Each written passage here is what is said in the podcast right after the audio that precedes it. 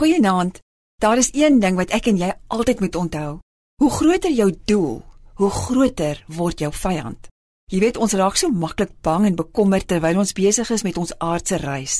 Ek dink aan dinge soos finansies, moorde, diefstal, skoolkurrikulums, gebroke huwelike, siektes, die dood. Hierdie dinge is erg vir ons. As jy 'n slagoffer is, weet jy dan huil my hart vanaand oor jou. Die eintlike vyand Dis wat ons moet onthou. Die eintlike vyand is nie jou oortrokke rekening nie. Dis nie die situasie waarin jy nou is nie, maar dis wel jou gesindheid teenoor die probleme in jou lewe. Daarom het God vir Josua gesê, hy moenie bang wees nie. Veg teen jou vrees, veg teen jou teleurstelling. Bid tot God, vertrou Jesus want dan is jy op jou pad wat God jou bedoel het om te wees.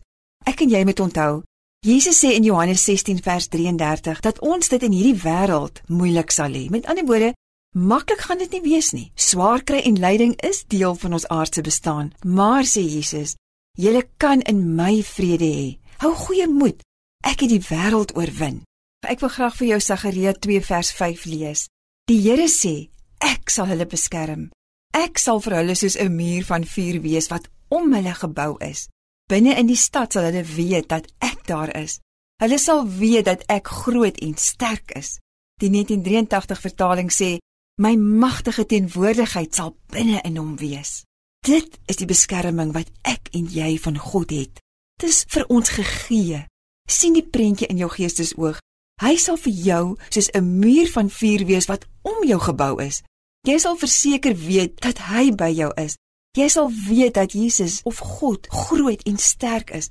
God se magtige teenwoordigheid, sê die woord, sal binne in jou wees.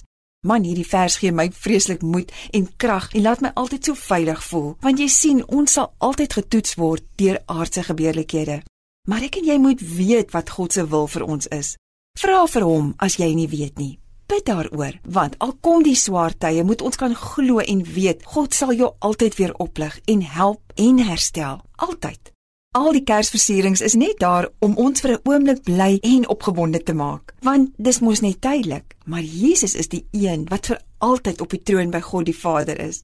Dis wie ons aan ons kant het. Die Heilige Gees is beskikbaar vir ons om ons te help deur ons swaar kry tye.